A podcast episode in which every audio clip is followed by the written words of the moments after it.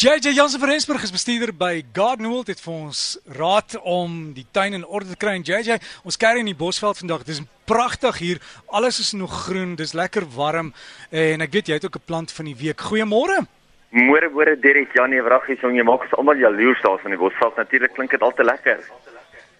Ja, nee, maar dis jou beurt sal kom, maar ek is nou nuuskierig om te weet hierdie tyd van die jaar, die taakies in die tuin, wat kan ons doen, JJ? Weet jy, ek dink een van die groot goed wat almal altyd vir my oorvra, veral daar in die bosveld, is mense wat broodbome besit. As hulle seiers op die kante uitkry of as hulle die broodbome self wil verplant, hoe kan 'n mens dit doen? En weet jy, dis baie maklik eintlik. As mens daai seiers op die kant, jy kan hom eenvoudig met 'n graaf probeer net afsteek. So mens grou 'n bietjie los onder die boom of onder die seier uit en dan druk jy 'n uh, graaf daarin en jy druk hom eenvoudig af. Jy sny hom eenvoudig af. Dan moet jy seker maak dat as jy hom nou weer gaan verplant, moet jy daar waar die wonde is op beide kante op die moederplant en op die kleiner plant, kan jy dit mooi seël teen fungusse met 'n gewone blomswaal. Onthou blomswaal is heeltemal organies, so jy kan hom lekker dik aansmeer. Um baie mense gebruik ook dan die cycad rootstem wat hulle dan op die op die bolsel wat hulle weer gaan plant of verf sodat hy weer nuwe wortels gaan maak. Onthou jy moet al jou blare afsny want jy wil nie die plant verplant met blare op nie. Maak seker dat jou rigting dieselfde bly. Die kant wat gewoond is aan die son, moet gewoond bly aan die son. So moenie om nou skielik plant dat die sonkant nou skielik baie skaduwee kry en die skaduweekant baie son kry nie. Maak ook seker dat jou grond wat jy waarna jy hom gaan plant goed voorberei is met genoeg kompos en beenmeel en dan natuurlik moet jy nie te veel nat gooi nie ja, jy moet nat gooi om al die water om al die lug uit die grond uit te kry, maar en om dan dan seker te maak dat die wortels weer baie goed kontak maak met die grond met die water, maar onthou, dan gee hom so twee keer, drie keer 'n week nat gooi initieel net om hom aan die gang te kry en dit kan baie keer kan dit 'n jaar of twee vat vir hom om weer nuwe blare uit te stoot. Wat baie belangrik is, is dat jy ietsie soos 'n insekte dust bo in die in die kroon van die plant die hele tyd strooi. Is 'n insekdoder net om te keer dat daar se enige kewers of insekte daar inklim. So, gaan probeer dit. Jy behoort baie sukses te hê met jou broodbome.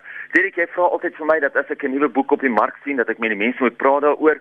En een van die groot uh woorde op mense se lippe deesdae is om hulle eie kos te kweek, hulle eie groentes te kweek. Nou hier is 'n splinter nuwe uh boek uit oor hoe om jou eie groente te kweek. Hulle noem dit the Vegetable Producers Manual. Nou kyk, dit is die die tipe van boek wat jy huistuin kan gebruik en selfs mense wat dit op 'n plaas ook wil kweek.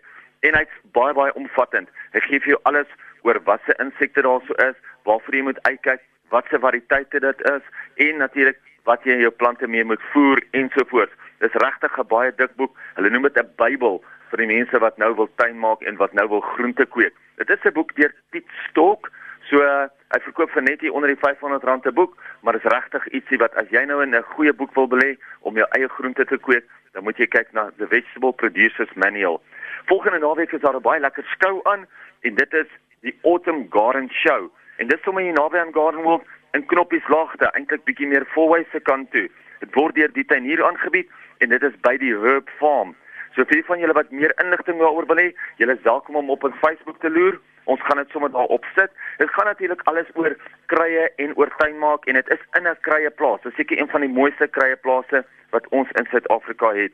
So vir die van julle wat wil deel wees daarvan, is volgende naweek, Vrydag, Saterdag en Sondag word deur die tuinier aangebied en dit is 'n ongelooflike lekker skou. Gaan jou 65 jammer, R65 per persoon kos om deel te wees van hierdie skou. Laaste enetjie vir hierdie week is ons plant van die week en dit is die Nandina Obsession. Nou Nandina Obsession, almal van ons ken die heilige bamboes. Hierdie enetjie groei omtrent so 70 cm hoog. Hy groei nie so hoog nie. Hy het 'n donkergroen blaar, maar dan het hy pers nuwe blare wat deurkom. Daai nuwe spriete, daai nuwe groeisels is so pers maroon kleur. Ongelooflik mooi. Hy hou van die volson. Hy's baie gehard. Hy's waterwys. Gaan kyk bietjie uit vir die nuwe Nandina Obsession. Dis 'n miniatuur heilige bamboes. Derek, ek hoop jy het 'n lekker dag daarso in die Laagveld. Baie dankie aan JJ Jans van Rensburg. Baie dankie ja JJ ons het en ek het ook daai inligting oor die plant van die week op die Breakfast Facebook bladsy geplaas, so jy kan die inligting daar gaan kry. As jy op Facebook is, gaan soek maar net daar by Breakfast F I S aan die einde en jy sal die foto daar sien. Baie mooi plant. En ek weet so vir al hierdie tyd van die jaar kan hulle nogal mooi rooi word.